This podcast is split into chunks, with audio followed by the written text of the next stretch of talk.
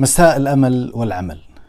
نتكلم اليوم مرة أخرى عن الإعلام ومستقبله ومستقبل هذه المهنة التي تدور عليها الدوائر ودائما آه، ما أقوله حول هذا النوع من الحوارات حول مستقبل المهنة إنه لابد من التركيز على المحتوى. المحتوى هو القاسم الأساسي الذي سيبقى آه، طالما هذه المهنة باقية.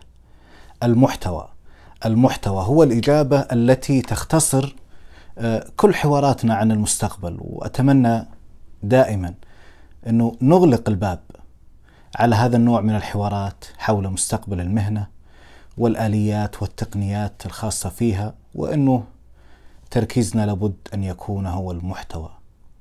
وهذا هو الأمر الأساسي. البقية آه، يعني تفاصيل تنويعات على آه، شكل أساسي وأدوات آه، لتسويقه. لابد نعرف إنه التقنيات الجديدة ووسائل التواصل وغيرها لن تنجب صحفيين جدد.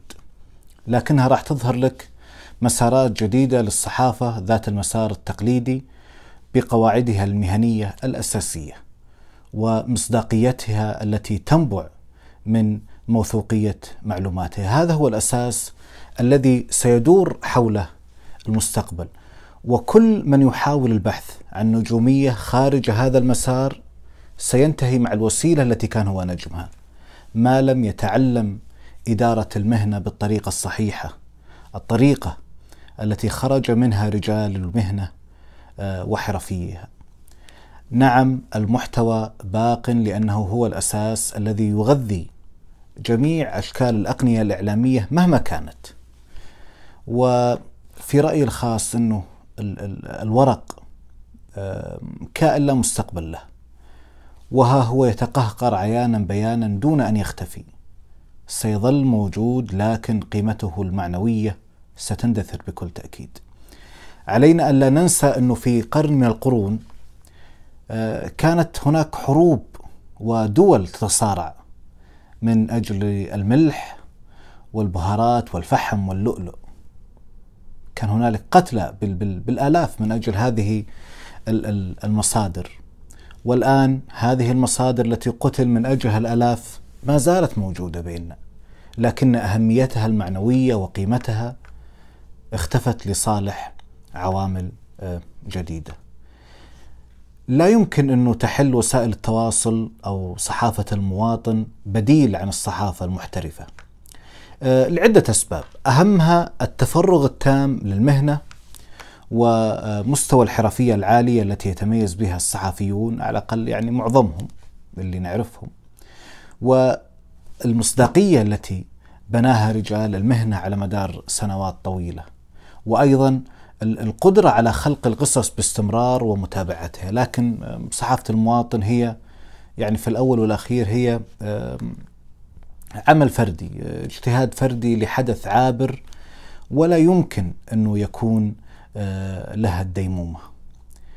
المؤسسات الإعلامية التقليدية لا تزال آه، صاحبة مستوى عالي من الحرفية والمصداقية رغم يعني بعض الاستثناءات العابرة والتي رأيناها مؤخرا للأسف لا يوجد ما هو أخطر على الصحفي ومؤسسته من الوقوع في أسر أيديولوجية معينة أو معركة ثأر هذا آه، يسلب المؤسسة روحها يسلبها شرف المهنة التي آه، الذي لابد أن تكون حارسته الأمينة.